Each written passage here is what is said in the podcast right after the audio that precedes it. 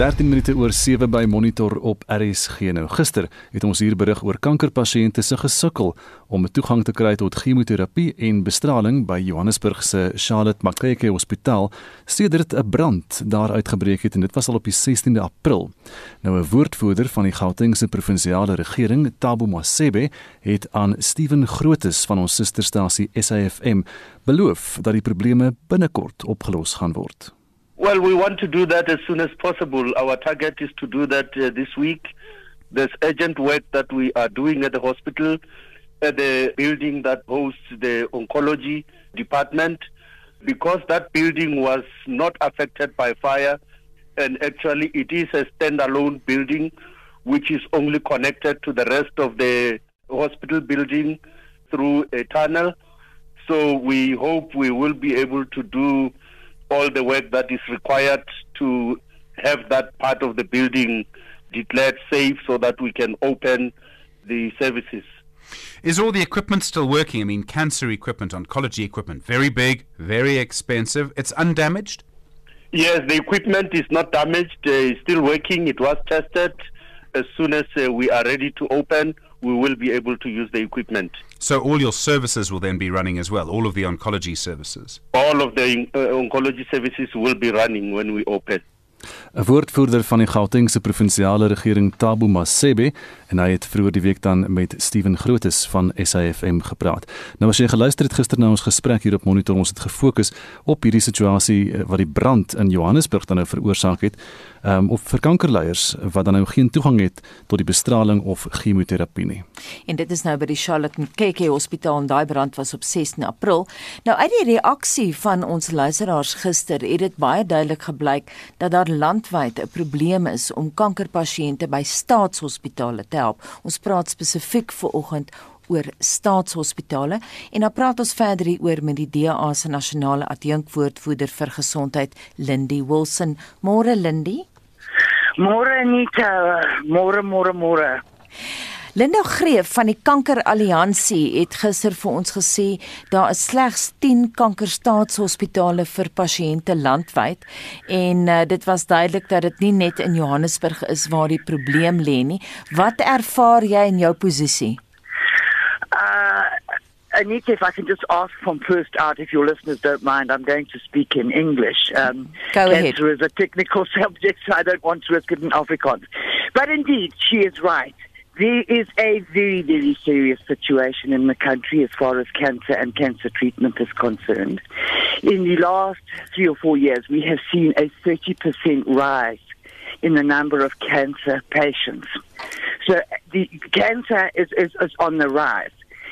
In Limpopo, we have one public facility to treat cancer patients, and that is at the Polokwane Hospital. That means that pan- cancer patients from um, Talabora, from the Vemby district, from the Waterberg district, all have to travel to Polokwane to get oncology services. Some of those trips done in taxis over terrible roads with patients who are really, really ill. We have exactly the same situation in the Northwest where there is also one singular oncology center, Northwest being more difficult to travel than Limpopo is. It is a country-wide problem, Anita, and it is not being taken seriously. The uh, cancer is on the rise, um, and, and nothing is being done to deal with that situation by the government. Jy praat nou so van die landwyse situasie. Ons het ons moet spesifiek klagtes ontvang van um, van Vryburg af, Mahikeng, Leratong. Dis nou hierdie Noordwes provinsie en Leratong is in Kreersdorp hier in die Wesrand. In twee gevalle is pasiënte dood. Ehm um, weet jy watter provinsies word die ergste geraak? It's difficult to say because obviously we don't get all the information. Um, you know, we don't have a day-to-day uh, running total of how many patients have died for cancer of cancer and how many um, have survived or how many haven't got treatment. I can tell you though that in Limpopo there is a 12-month waiting list from the time that a person is diagnosed with a cancer, whether it be um, testicular, whether it be ovarian, any cancer that requires surgery, there is a 12 month waiting list to go in to have that surgery done. That is a death sentence. So I think a lot more people are dying out there than we are aware of. Um, and we are delighted when we can participate in forums like this so that we, we are aware of these situations and that people can contact us directly and we are there to be contacted to assist. Jy praat dan van 'n death sentence Lindy, maar ons is ook gister vertel deur Linda Greef dat as jy jou kankerbehandeling staak of jy nou wil of nie en uh, uh, al is dit net vir 'n week, dan sit dit jou heeltemal terug. So dis 'n baie ernstige storie om chemoterapie te staak. Oh, absolutely. Uh, and likewise radiation. It is a it's a it's a it's a process by which cancer cells are are, are, are killed or, or slowed down. And the moment you create a back in that, cancer is very, very it's an aggressive it's aggressive by nature. The moment you stop the proper treatment, it comes back very aggressively, if not more aggressively than when it started. Hm. Wat doen julle as 'n party, as die DA? Wat doen julle daaroor? Uh, look, we are fighting this on a daily basis, I, and, you know, it, and it's very frustrating for us. We obviously don't govern. Um, we can highlight, we can expose. Um, we, but we also need information, like the information out of Krugersdorp. I am here to assist with any of these cases. We we are constantly referring matters to the Human Rights Commission millions and millions and millions are spent in this country every year on healthcare workers to go out and do house visits and assist with HIV and TB. But the same is not done for cancer. Um, and that, you know, it, while we understand that HIV and TB also killed if, kills if not treated, so is cancer. And nothing is being done about it. Our budgets for infrastructure have just been cut. That means no more bunkers. That means no more oncology equipment. That means no more oncology staffing. And we are fighting this on a daily basis.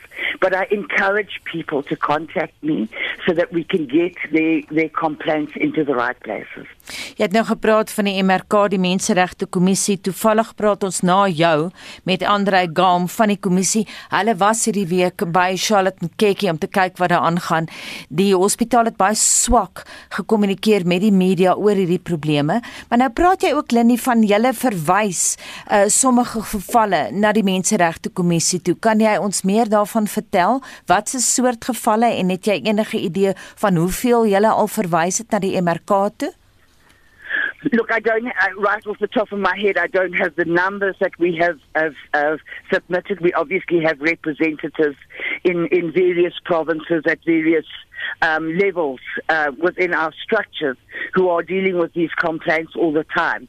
Um, the problem is, and we would like to report everyone to the Human Rights Commission because every one of them is, is a failure to, to ensure proper health care for our people.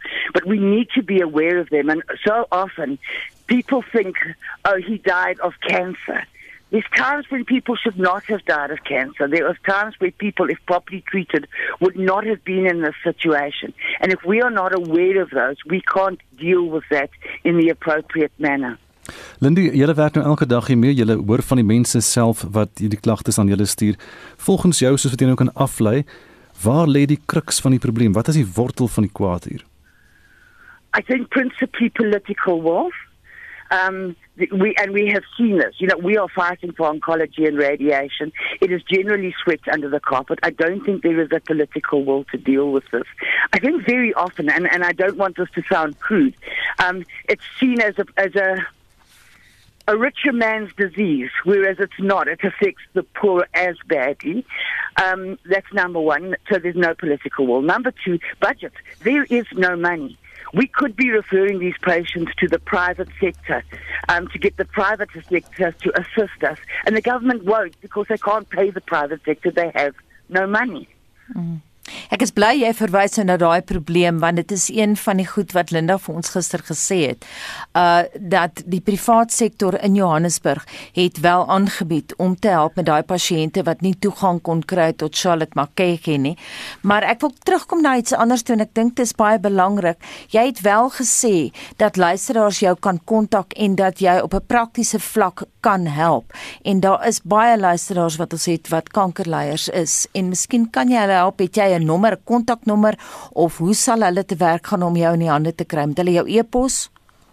I think e- uh, email better for me, Anita, and I'm welcome to give it out. I, I am quite happy for people to contact me and let us assist them where we can. Geef my daai e-posadres asseblief. Okay, it's Wilson, W I L S O N, W O R X, X for X ray, at webmail.co.za. Just repeat that please.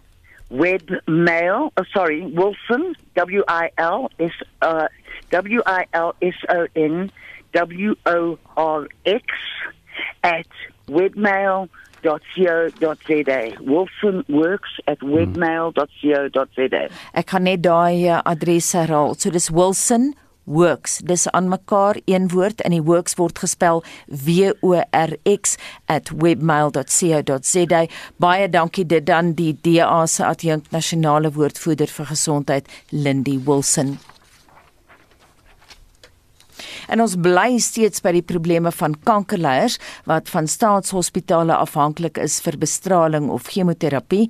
Soos blyk uit talle SMS'e, WhatsApps en selfs e-poste wat ons hier by Monitor ontvang het, het sommige luisteraars al eerstehands ervaar hoe die gebrek aan dienste kankerleiers raak. Nou ons praat vanoggend verder hieroor met die Menseregte Kommissie se Andrei Goum, Goum oor hierdie situasie. Andrei, goeiemôre.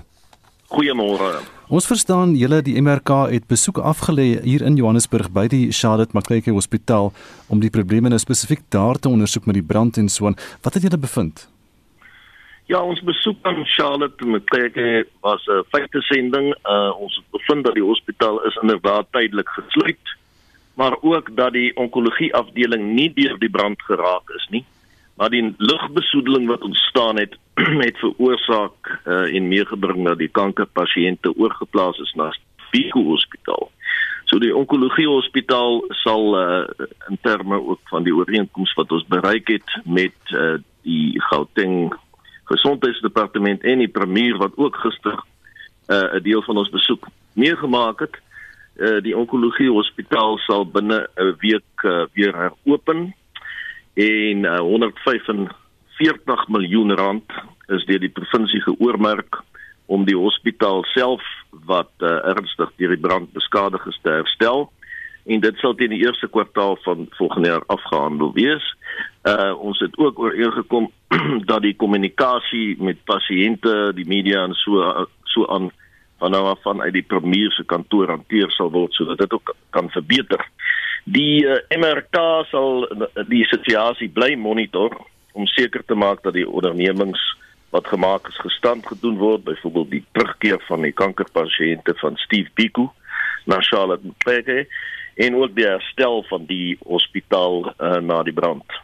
Mm nou ons praat van die MRK, so dit gaan hier oor menslikheid en ons moet vir jou sê Andre op 'n menslike vlak is die hele span ontroer deur sommige van die boodskappe wat luisteraars gister aan ons gestuur het. Hier is een naamlose voorbeeld. My stoorvoorman is gediagnoseer 3 maande terug met ernstige prostaatkanker. Dit het al in sy bene en sy rug versprei. Hy is 36.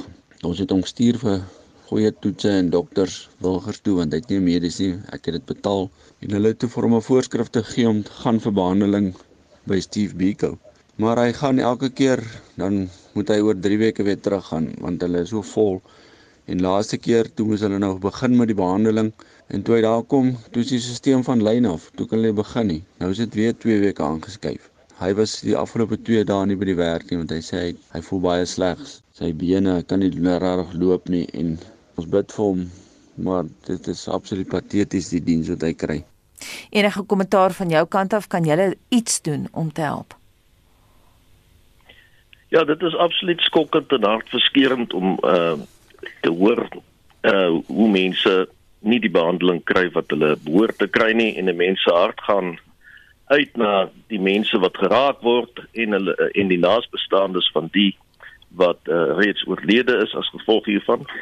Uh my raad is dat mense onmiddellik klagtes moet lê by die Menseregte Kommissie oor hospitale wat uh, so optree uh sodat die kommissie kan intree. Die kommissie sal inderdaad sonder verwyl intree in hierdie gevalle. Jy het ook geluister na ons onderhoud met Lindy Wilson nou. Um, dis duidelik dat verskeie van die provinsies deurloop landwyd is daar kwessies Noordwes, Limpopo en Swaan. Ons het 'n luisteraar se SMS ook ontvang en ek haal haar direk aan. Sy sê hier my suster het kankerbehandeling op Klerksdorp gekry. Omdat die CT skanderings in Vryburg en Mahikeng byna nooit gewerk het nie, het sy soms vir meer as 'n maand gewag om die skanderings te wel dan nou te kry. Sy het haar 2 jaar lange stryd teen kanker in April verjaar verloor. Ehm uh, so volgens jou en volgens die menseregte en die grondwet het sy nie hierdie persoon nie haar reg tot lewe weet is dit nie geskend as gevolg van die hulpelose staat nie.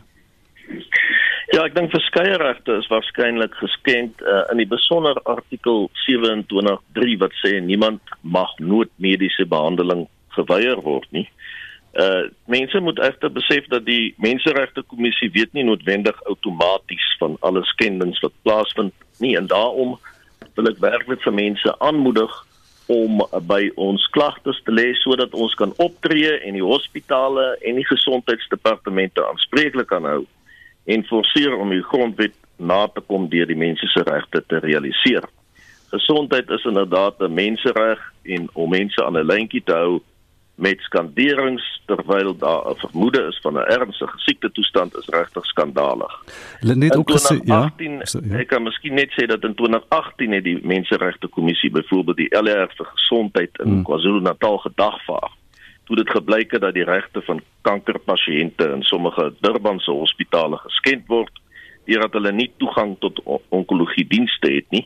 En sedertdien het die departement sy lineêre versnellingsmasjiene wat essensieel is vir bestraling herstel en ons het ook aanbeveel dat die departement vennootskap besluit met private onkoloë en radioterapeute ensovoorts om uh, die verwysing van pasiënte na private diensverskaffers in daai provinsie vir uh, skandering, diagnose en behandeling te fasiliteer en ons is steeds besig met die implementering van ons aanbevelings uh, die monitering van die implementering daarvan. So dit is 'n 'n voorbeeld van waar ons uh, ja. toetrede uh daadwerklike gevolge gehad het, maar ek wil weer eens op die luisteraars se beroep doen om klagtes by ons te lê en om hierdie goed onder ons aandag te bring sodat ons kan intree en ons sal intree. Uh, ek wil net vinnig vir jou vra, uh, Andre is nog daar. Ehm um, ja. Lindy verwys na ehm um, mense, hulle voel, hulle kry die gevoel dat hulle sê dis 'n ryk man se se siekte, dis 'n rich man's disease om kanker te hê. Hoe baie gebeur dit dat dat menseregte opgeweeg word en hoe ryk of hoe arm jy is? Ja, wel menseregte behoort glad nie in daardie konteks uh, ter sprake te kom nie wanneer dit gaan oor artikel 29.3 dan uh, sê artikel 29.3 baie duidelik dat niemand met ander woorde of jy nou ryk of arm is niemand mag noodmediese behandeling geweier word nie. En daarom uh, maar soos ook nou uitgewys deur die uh, vorige deelnemer aan die program um, dit is nie 'n siekte wat uh, in elk geval net ryk mense tref nie, dit tref almal en van die armstes van die ar van die armste mense in die land ook. Sê net gou vir ons waar kan luisteraars jou kontrak uh, of of die menseregte kommissie kontak Andrei? Ek stel voor dat hulle uh, die voorsitter van die menseregte kommissie kontak. Hy is eintlik uh, verantwoordelik vir die reg tot gesondheid by B Majola uh, by uh, sahlc.org.za. Uh, Herhaal net vir ons daar asseblief. bmajola@sahlc.org.za. Baie dankie dit dan die Menseregte Kommissie se Andrei Galm. Heinrich Aletta Stander sê my ouderdom, ek is in die 50 stel teen my en in my dorp is regstellende aksie prioriteit. So ek het geen kans nie. Ek het 'n uh, verpleeg agtergrond van 25 jaar en uitstekende menseverhoudings, maar dit tel ook nie. Juliana van Niekerk sê en daar is dan jy so tekort aan goeie verpleegsters en Gwyneth Holshausen sê en ons benodig mense soos jy Aletta. Vandag se verpleegsters het geen menseverhouding of simpatie nie. Neil Mostert laat weet die gedeeltelike oplossing lê in die vestiging van sogenaamde clubs of job clubs of collaboratoria waar binne werklooses 'n gevoel van behoort die mindsets van 'n vierde industriële revolusie kan ontwikkel en ook 'n inkomste vir hulself kan verwerf. Hierdie eenhede kan die potensiaal hê om in satellietkampusse van gemeenskapsbehoefte gedrewe colleges te ontwikkel met portuïergroep opleiding en senior student en afgetredenes as mentors in die vorming van die vereiste mindset vir 'n bepaalde gemeenskap om dit daar te stel. En ek reken dis iets wat 'n mens dalk vir Spectrum kan opvolg met Neil Mostert. Ek sal net voor 8 weer terug wees. Ons wil hê julle moet net eers luister na die insetsel oor die werkloosheidsyfer en werkskepping. En uh, dan sal ons uh, dan sal ek net vir 8 um, daarvan deel 45 dan wag wag nou 45889 dis die SMS nommer en dit sal jou 150 L kos. So net kan jy op monitor en spectrum op RSG se Facebookblad jou mening met ons deel Vir wêreldnuus gebeure sluit Estie nou by ons aan. Ons begin in Israel. Ons het vlugtig verwys na die feit dat oppositiepartye ooreenkoms bereik het om 'n nuwe regering te vorm en dit sal 'n einde bring aan Benjamin Netanyahu se 12 jaar lange termyn as eerste minister. Maar Estie het vir ons al die agtergrond Estie. Ja Anita, die parlement moet egter eers besluit 'n uh, uh, um, 'n besluit neem en in die parlement stem voordat die hierdie nuwe regering ingehuldig uh, kan word en indien die parlement nie ten gunste van die nuwe regering stem nie, bestaan die risiko steeds dat nog 'n verkiesing gehou sal moet word, die 5de dan in die afgelope 2 en 'n half jaar. Maar vir nou is beeldmateriaal die wêreld ingestuur wat mense gedink het onwaarskynlik sal wees. Drie mans wat langs mekaar sit. 'n Joodse leier van 'n regse nasionale party, 'n leier van die sentrale party en 'n Arabiese islamitiese leier. Die leier van die Yesh Atid party, Yair Lapid, het aangekondig 'n 8-faksie koalisie is gevorm. En hy het in 'n verklaring gesê hy onderneem dat die regering in diens sal staan van alle Israelitiese burgers, is Israeliese burgers eerder.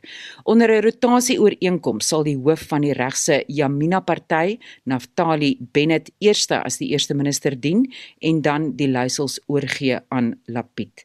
Die leier leier van die Raamparty, Mansour Abbas, sê hier wat die doelwitte is.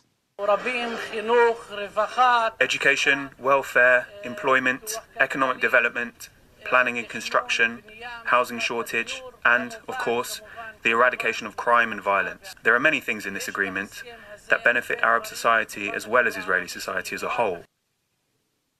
Sommige Israeliese burgers is verheug oor die vervanging van Netanyahu my fellow uh, protesters and I were in the streets for more than a year. So it's a great celebration. We're hopeful for this change. 'n Ontleder aan die Amerikaanse Universiteit, professor Guy Zief, sê dit is egter nog nie uitgemaakte saak dat die parlement ten gunste van die nuwe regering sal stem nie. It's not inconceivable that this government will fall short of the 61 seat majority and you can be assured that Netanyahu is going to do everything possible to sabotage it by trying to work uh, to get defectors. Die stem daar van 'n ontleder aan die Amerikaanse Universiteit, professor Guy Ziff. En nou verskuif ons die fokus na die FSA, waar 'n tweede betoger skuld beken het in die ondersoek wat gedoen word na die Amerikaanse betogings in Washington op 6 Januarie nadat president Joe Biden verlede jaar die verkiesing gewen het en die 38-jarige Paul Hutchins van Tampa, Florida het erken dat hy 'n amptelike proses van die Kongres belemmer het en hy is een van ten minste 450 betogers wat aangekla word. Hutchins is aanvanklik op 5 aanklagte an, uh, aangekla, maar sy regsverteenwoordiger kon met die aanklaers onderhandel om 4 van die klagte te laat vaar. En die klag waarop hy skuld beken het om 'n amptelike proses van die Kongres te belemmer, dra 'n maksimum straf van 20 jaar tronkstraf, maar federale vonnisriglyne beveel 15 tot 21 maande tronkstraf aan. Hutchins het ingestem om 2000 Amerikaanse dollar in skadevergoeding te betaal. En die aanklaer Mona Setke het die skade aan die hoofgebou in Washington beraam op 1,5 miljoen Amerikaanse dollar, berig die Washington Post. En van die weste na die ooste en ons kyk na die Olimpiese spele, daar is 50 dae oor voor die begin van die uitgestelde spele in Tokio, maar daar heers kommer of dit enigsins moet plaasvind. En die ja, internasionale Olimpiese Komitee dring daarop aan dat die Olimpiese spele wel op 'n veilige uh, veilige wyse gehou moet uh, gehou kan word en Mariko Boy van die BBC in Singapore berig atlete het reeds in die land begin aankom en sy sê egter dat landsburgers baie onseker is of die spele wel moet voortgaan. They're concerned that it could become a super spread event. And we just heard from the country's top health advisor, Shigeru Omi, saying that it's not normal for the event like the Olympics to go ahead under the current circumstances. So people have been calling for the games to be either cancelled or at least postponed again. But both options have been ruled out by the IOC. And because of the contract Tokyo signed with the IOC, it's really up to the IOC who seems determined to go ahead, even though uh, politically speaking, it feels like a really unpopular move for Yoshihide Suga, uh, the country's prime minister, who has to hold an election by this autumn. Uh, and not surprisingly, a lot of anger uh, towards the IOC, which has been accused of not caring about people's lives. Boyberig 10 duisende vrywilligers het van die spele onttrek en dat daar 'n petisie opgetrek is met 400 000 handtekeninge dat die Olimpiese spele nie moet voortgaan nie, maar daar was ook 'n petisie ten gunste daarvan dat die spele moet voortgaan wat 90 000 mense onderteken het. En dit was Estie met 'n oorsig van wêreldnuus gebeure. Dis 18 minute voor 8 jy is by Monitor en ons fokus vanoggend op een van Suid-Afrika se knellendste probleme na aanleiding van die jongste syfers wat Statistiek Suid-Afrika vroeër van dese week vrygestel het. Nou hierdie probleem waarna ons verwys is natuurlik werkloosheid en die werkloosheidskoers eh, het met 0,1 van 'n persentasiepunt gestyg tot by 32,6% maar die uitgebreide werkloosheidskoers wat die ontmoedigdes insluit het tot 43,2% gestyg. Vir hulle reaksie daarop praat ons ver oggend met Dawie Klopper, hy's beleggingsekonoom by PSG. Goeiemôre Dawie. Dawie, kan jy my hoor? Lyk my ons het An, An, Anita? Het jy An, Anita? Oh, is jy daar? An, Anita net 'n oomblik. Uh, dit is dis Dawie Botha hier, nie Dawie Klopper nie. Ons wag vir Dawie. Ons gesluit het. O, ons bel nou die regte uh, Dawie. ja, maar daaroor. Alles reg. En dan praat ons praat ook ver oggend met Mike Schuessler van economist.co.za. Mike, kom ons begin by jou jou eerste reaksie op die syfers. My eerste reaksie is dat ek uh, weet dit is 'n uh, tendens wat net aangaan ehm um, dat ons meer en meer werkloses kry. Vir al die breë werkloosheid het nou weet in getalle weer 'n rekord hoogtepunt gehad, ook in persentasieterme rekord hoogtepunt. Die offisiële syfers is op 'n rekord hoogtepunt. Dis 'n baie baie hartseer storie dat in Suid-Afrika amper 'n derde van al die mense wat uh, wil werk nie werk kan kry nie en uh, en werk soek dan meer dus dan en die mense wat al opgegee het om werk te soek ehm um, dis 43% maar anders gestel van ons hele bevolking is net omtrent 38% van die mense van die ehm um, uh, mense wat oud genoeg is om te werk werk. Natuurlik van hulle studeer van hulle huisvrouens maar oor die algemeen is dit 'n baie lae syfer dit uh, uh, dis die dis dis die probleem in Suid-Afrika is dat ons ongelykhede uh, kom daar vandaan af. Ons ehm um, uh hele ehm um, uh armoede kom daar vandaan af. Dit is veral vir die jeug vir swart vroue in landelike gebiede ehm um, en mense oor die algemeen landelike gebiede baie groot uh probleme. Ek meen daar's nie 'n ander land uh as Suid-Afrika wat ek van ken wat vir 25 jaar nou uh werkloosheidskoers gemiddeld van oor die 25% het nie. En net om dit in perspektief te stel, die Amerikaanse ekonomie tydens die groot depressie het 'n hoogtepunt van 25 gehad sent en dit was net vir 'n rukkie. Uh 'n paar maande hier in Suid-Afrika het ons dit nou vir 25 jaar. En Michael praat altyd so van die persentasies en hoe hoog die persentasies is, maar mens besef nie hoeveel mense dit op die ouend is nie. Ek sien hulle sê uh, die 11,4 miljoen mense wat nie werk het nie. Dis reg, dis 11,4 miljoen mense wat uh nie werk het nie as jy dan die uh mense byvoeg wat nie heeltemal gebruik word nie, is dit minstens uh want dis nou mense wat minder as 15 ure 'n week werk, hmm. so met ander woorde 14 en minder. Ehm um, en dan voeg jy nog 400 000 mense by. So ons kry baie vinnig 'n uh, idee van wat hier gebeur is dat die mense in Suid-Afrika het nie en dis mense, dis dis nie jy weet net syfers wat ons oor moet dink hier nie. Dit is ehm um, 'n uh, uh, armoede situasie in dit Gustav en dit maak mense baie baie uh, depressief en ons doen net nie daarvan uh, veel daaroor nie. Ons 'n virus en ons het 'n command council gekry en almal het 'n uh, uh, rep en roer gegaan en ons probeer dinge reg doen. Ehm um, ons het werkloosheid vir 25 'n uh, uh, jaar op hierdie tipe van vlakke. Dit is nou hoogste vlakke natuurlik, maar bedoel op vlakke wat net nie normaal is vir enige land nie. Ons gesien byvoorbeeld Griekeland het hulle 27% werkloosheid gekry, dit was hulle hoogtepunt voor die ehm um, coronavirus het hulle darm afgekry van 2008 af, so met 'n periode van 11 jaar, het afgebring na 14% toe. Dit was nie maklik geweest nie, maar dit kan gedoen word, maar ons leer net nie. Ons doen net niks daaroor nie. Ons het uh, intussen vir die regte Dawie in die hande gekry, dis nou Dawie Klopper beleggingsekonoom by PSG. Môre Dawie. Môre Anita. Davie, jy het nou gehoor hoe klink die syfers en soos Mike gesê het, dis 'n baie donker prentjie. Wat sou jou antwoord wees? Behoort ons nie dalk te fokus op hoë ekonomiese groei voordat ons aandag gee aan werkskepingsprogramme nie? Anita, Anita, ek, absoluut. Jy weet ons moet hierdie debat omkeer. Mike doen in doen 'n uitstekende analise van die situasie van die probleme waarmee ons te kamp het. Maar totdat ons nie die debat omkeer en begin fokus op ekonomiese groei, genoegsame ekonomiese groei nie, gaan ons nie die probleem opgelos kry nie. Ek dit is miskien vir baie mense logies, maar as mens net terugkyk in die verlede, toe ons meer as 4% groei gehad het hier in 'n periode van so 2003 tot 2008, miskien selfs tot by 2010 toe, toe het die werkloosheidssyfer skerp gedaal. En dit is dan die enigste manier hoe ons werklik uiteindelik 'n klomp probleme in die land sal oplos, maar die debat, die fokus moet skuif na uh, uh, sê maar 'n groei van bo 4% vir die ekonomie toe. En as jy dit jou visie maak, jou droom maak, gaan alle programme, alles wat jy doen, daarop gefokus wees en die probleme wat ons nou identifiseer, gaan van self as te ware opgelos word. En ja, ek weet daar is 'n klomp strukturele probleme om dit reg te kry om die ekonomie tot op daardie vlak te laat groei. Maar dan gaan ons ook die strukturele probleme begin aanspreek.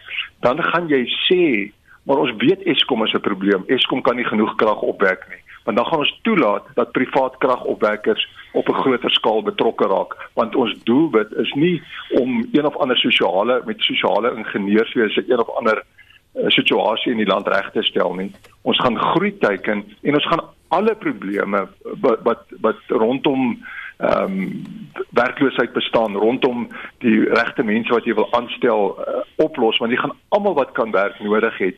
En dan gaan BEE nie 'n faktor wees nie want almal wat wil werk sal kan werk. Mike, eh, Dawie praat net so van ekonomiese groei. Watter soort groei sou ons sou ons vinnige hulpstoot sou kon gee? Nou, ons gaan moet groei met minstens so 5% en meer. Ehm um, daar is heeltemal reg. Ons het uh, die werkloosheidsyfers sien afgaan. En teendeel, ons het begin uh, met 'n werkloosheidssyfer in 20 uh, uh, 1994 met met met so wat uh, 20% en 20 uh, uh, in, in 1995 het ons het afgekry na so wat 16% toe. Ehm um, maar die probleem is ons het nou laat gaan en um, ons gaan weer uh, van vooraf moet begin eintlik van 'n hoë vlak want waar die periode waarvan Dawie praat was ons by 28% en ons het al die pad afgekry na so wat 22% toe. Uh dis nou net uh, weet afgerond en uh, nou sit ons met met die probleem waar ons by 33% is. Nou om van 33% na 22% te gaan is 'n baie langer pad as uh van 28% en uh dis eintlik moet ons nog vinniger te moet groei en uh, ons gaan werklik waar moet leer hoe ander lande dit gedoen het in die uh, absurde lande wat 'n uh, uh, uh, uh, sentrale beplanning het waar mense in Cuba of Venezuela wat ons altyd hou daarvan om aan uh, na te kyk. Ons gaan moet uh, rarig kyk na oplossings wat lande gedoen het soos Griekeland, uh, soos Chili, uh, selfs Brazil het hulle werkloosheid uh, oor tyd uh, afgekry. Ehm um, alhoewel hulle nog redelike regulasies het. Ehm um, dis bietjie minder uh, skerp as uh, ander lande, maar daar's baie baie uh, te sê vir 'n periode van uh, baie meer vrye mark georiënteerd tyd en uh, die die die rol van klein firmas word uh, nie genoeg ehm um, besef nie en ons moet werklik waar wegkom van al hierdie reëls en regulasies wat dit moeilik maak uh om mense in diens te neem en ook maatskappye te vorm. Ehm um, ons moet wegbeweeg van rasbeheptheid ook sommer hmm. in die proses, maar die hele ding is ons gaan baie groot slede na die vrye mark tipe stelsel toe moet gaan ehm uh, meer as wat ons nou heidaglik het. Ek is baie bly jy verwys nou na rasbehettheid want toevallig is ons SMS vraag vir oggend geskoei op werkloosheid. Daar wie jy het vlugtig, baie vlugtig verwys na swart ekonomiese bemagtiging, maar in ons SMS terugvoer vir oggend is daar meer as een luisteraar wat sê swart ekonomiese bemagtiging fnuik my pogings om enigsins werk te kry. In een geval is dit 'n gekwalifiseerde verpleegster wat eenvoudig nie werk kan kry nie. Ek wil hê julle moet albei hierop kommentaar lewer asseblief. Kom ons begin by jou Dawie en dan gaan ons na Mike toe. Ja, ek dink ons almal besef dit is 'n probleem, maar dit is 'n probleem omdat ons wil sosiale ingenieurswese toepas. Hier's 'n klomp mense wat in die verlede nie kon werk kry nie van wie watter reëls ook al toegegeld het en nou probeer ons dit regstel met met 'n beleid, met 'n met 'n wet. En dit gaan nie werk nie, want beteken dit ander mense word nou weer uitgestuur. Ons herhaal die foute van die verlede. Dit verskyn dat geen politieke party hierdie ding raak sien van ekonomiese groei kan al hierdie probleme oplos nie. Niemand wil dis mos ongemaklik om hieroor te praat want jy was miskien foute gemaak in die verlede. Maar totdat ons dan nou dit op 'n ander manier probeer benader en nie net die koek probeer herverdeel nie, gaan ons nie die probleem opgelos kry nie. Ons gaan weer ander probleme skep. En ek verstaan mense se frustrasie. Dit is baie moeilik om dan reg te kom en dan moet jy ander stappe gaan neem of jy met jou eie besigheid begin of jy moet die land verlaat. En ons wil dit ja, nuwe besighede begin. Ek het ook daarna verwys, klein besighede is 'n oplossing. Ons moet dit dan makliker maak. So, ek kan nou aanhou hieroor praat, maar dit frustreer my dat geen politieke party hierdie ding van groei hulle fokus maak en al die staatsmasjinerie dan in werking stel om die boodskap uit te kry. En dan vat dit miskien 4 of 5 jaar, soos Mike nou gesê het, dit gaan 'n lang pad vat om dit reg te kry om om deur hierdie stelsel te werk en dat die werkloosheid dan begin afkom. Maar uiteindelik as ons dit dan nou besef, dan gaan al hierdie dinge wat ons wil regkry in elk geval regkom. Mike, wil jy kommentaar lewer oor die feit dat swart ekonomiese bemagtiging van ons luisteraars se pogings vnuik, hulle sukkel om werk te kry? Ja, ek weet die blanke werkloosheid is 10.1%. Dit is die laagste van al die rasgroepe. So, ehm um, in daai opsig, maar as mense weer andersins kyk en sê, goed, los die hele storie, kry die beste persoon uh, uh, vir die werk. En indien dit 'n uh, wit persoon is en dit bring die wit persoon se werkloosheid af, dink net daaraan, dan uh, uh, raak die die ekonomie meer ehm um, uh, uh, aan die gang in elk geval en die momentum ek meen daar is nie so baie wit mense om in diens te neem nie ehm um, meer nie. So die die die die ding gaan oorspoel na baie van die ander rasgroepe. Ek meen Indië is hierso by 20% werkloosheid ehm um, kleerlinge uh, is hierso by ehm um, 34% en swart werkloosheid in die breë terme is 48% so die die die probleem is as jy uh, uh, uh, mense inperk met met meer en meer reëls. Die mense wat jy probeer help, is die mense wat eintlik die slegste daarvan afkom. So dit is iets waarna ons moet kyk. En daar was foute in die verlede gemaak, dat's geen twyfel nie. Uh maar ons is besig om op die jare saam ook foute te maak. Want as ek net kyk na uh, waar swart werkloosheid was, um omtrent 3 jaar gelede was dit 40%. Hmm. Nou is ons by 48%. Ehm um, dis iets wat na ons sal moet kyk. Michael, ons moet net vinnig vir jou vra beurtkrag se effek op die ekonomie. Ons is nou in die, in die beurtkrag in die middel van die beurtkrag soos ons nou is. Vir ons daai sommetjie wat jy gemaak het daaroor. Ja, ek het 'n som gemaak. Dit is om om en by uh, R17 ehm um, per per ehm um, kilowattuur wat 'n mens in die ekonomie verloor. Nou as jy dan 1000 megawatt dan sit so uh 17 miljoen rand per uur, maar na, natuurlik by stadium 2 waar ons is ehm um, met met beerdkrag ehm um, is dit 2000 uh, uh megawatts wat uitgehaal word dan sit so 34 miljoen rand per uur wat ons verloor. Ja. Ehm ja. um, die een ding wat ek net moet byvoeg, ehm um, ek het vir vanaand die so in die aand gaan dit minder wees as 17 rand en in die in, in die dag wanneer die fabrieke en almal aan die gang is, gaan dit natuurlik meer wees as uh 17 rand. Dis hoekom ek dink ook waar hulle kan probeer hulle die beedkrag nou in die aande toepas. Maar natuurlik as jy nou beedkrag het soos wat ons vandag gaan hê, uh dan gaan jy fabrieke uh sien wat nie kan werk nie. Jy gaan uh winkels sien wat moet sluit. So dis dis waar waar mens dan weet dan gaan dit hier by die 19 20 rand 'n uur wees in die aand is dit dalk 14 of 15 rand per uur. Baie dankie vir daai somme. Net 'n vinnige laaste vraag aan jou Dawie Klopper. Jy het nou gepraat, jy praat van 'n 4% groeikoers wat benodig word en uh, ons nou gehoor Mike praat van 'n 5% groeikoers.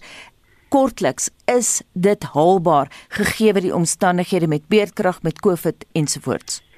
Dis nie op die oomblik haalbaar nie, maar as jy dit as jy sê dit is my teiken, dan gaan ek sê maar wat alles kan ek en moet ek regkry om daar te kom en dan gaan jy verby Eskom beweeg wat nie kan vir ons krag gee nie en jy gaan die privaat kragverskaffers toelaat om te begin krag opwek en jy gaan dit nie vir hulle moeilik maak om om deel, deel te begin neem aan die stelsel nie. Jy gaan die gronddebat begin oplos om om, om sodoende die onsekerheid wat daaruit voortspruit op te los. Jy gaan die staatsondernemings erken dat hulle sukkel en jy gaan begin praat van privatisering. Jy gaan die polisie moet kry om misdaad op te los alles met die doel om die omgewing te skep waar binne die ekonomie kan funksioneer. Jy gaan reëls wat nou gemaak is wat dit moeilik maak vir sakelei om deel te neem aan die ekonomie verslap jy gaan dit makliker maak vir almal om deel te neem aan die ekonomie Bye. want dan moet dit jou doelwit wees. Dawie baie dankie Dawie Klopper beleggingsekonoom van PSG en Mike Schuessler van economists.co.za. Heinrich jy het daarom nog 'n kans gekry. Jopie van Vryheid in KwaZulu-Natal Anita sê ek is van nature optimistiese persoon maar as ek na die huidige werkloosheidssyfer kyk lyk dit maar donker. Met elke toespraak van die president in die verband word daar beloftes en beloftes gemaak wat nooit realiseer nie. Dan 'n ander boodskap wat sê good morning whites coloreds and indians does not get any work. Ek lees dit maar soos wat dit hier gestaan is, geskryf is. Only blacks are getting all the jobs. That's why Ramaphosa will always say our people our people is only black people and not other nations. Iemand anders sê die ANC wil die land besit en die landsburgers regeer. En dan sê Vicky, ek was baie bevoorreg om uh, vir 'n jaar en 3 maande van die huis af van af die huis te werk met 'n volle salaris en ek het einde maand afgetree. Ek oorleef nou met 'n pensioen rente, maar ek weet nie vir hoe lank nie. Dit help ook nie ek maak juwele nie want mense koop nie nou onnodige dinge nie. En dan Rian wat skryf as daar nou mense is wat uitgebuit word, is dit ons siele op wiele. Die lorrybaaser maak miljoene en jy kry 'n tip, dan moet jy nog bo alles 24/7 werk 31 dae elke maand. Jy gee jou hele lewe vir hulle. En dan hierdie boodskap van uh, iemand wat sê jong mense het nie die wil om in die oggend op te staan en te werk nie, maar wag net dat dit donker word, dan loop hulle die hele wêreld vol. Voor hulle nie besef die mens werk in die dag en hy slaap snags nie, mhm. sal hulle nooit suksesvol wees nie. Estie, wat is alles op die dagboek vir Spectrum om 12:00? Ons kry reaksie op Eskom se bestuurshoof Andrei de Ruyter wat as rasis uitgekry is en die dooiepunt wat in loononderhandelinge by die kragrees bereik is. Ons vind meer uit oor die pleidooi vanaf skole dat ouers hulle kinders moet weghou van sosiale byeenkomste en dit is in die lig daarvan dat die meeste COVID-19 gevalle in die afgelope 24 uur aangemeld is en die landbousektor het besonder goed gevaar in 2020 Ons kyk na die redes hoekom en hoe volhoubaarheid verseker kan word. Skakel in vir Spectrum tussen 12 en 1. Dankie Estie, ons groet namens ons waarnemende uitvoerende regisseur vanmôre Wessel Pretorius. Ons redakteur was Jean Esterhuizen en ons produksieregisseur is Daitrin Godfrey. Ek is Gustaf Vreiling en monitor is môreoggend om 6:00 terug. En my naam is Anita Visser en Anne Marie sit nou gereed om die 8:00 nuus te lees.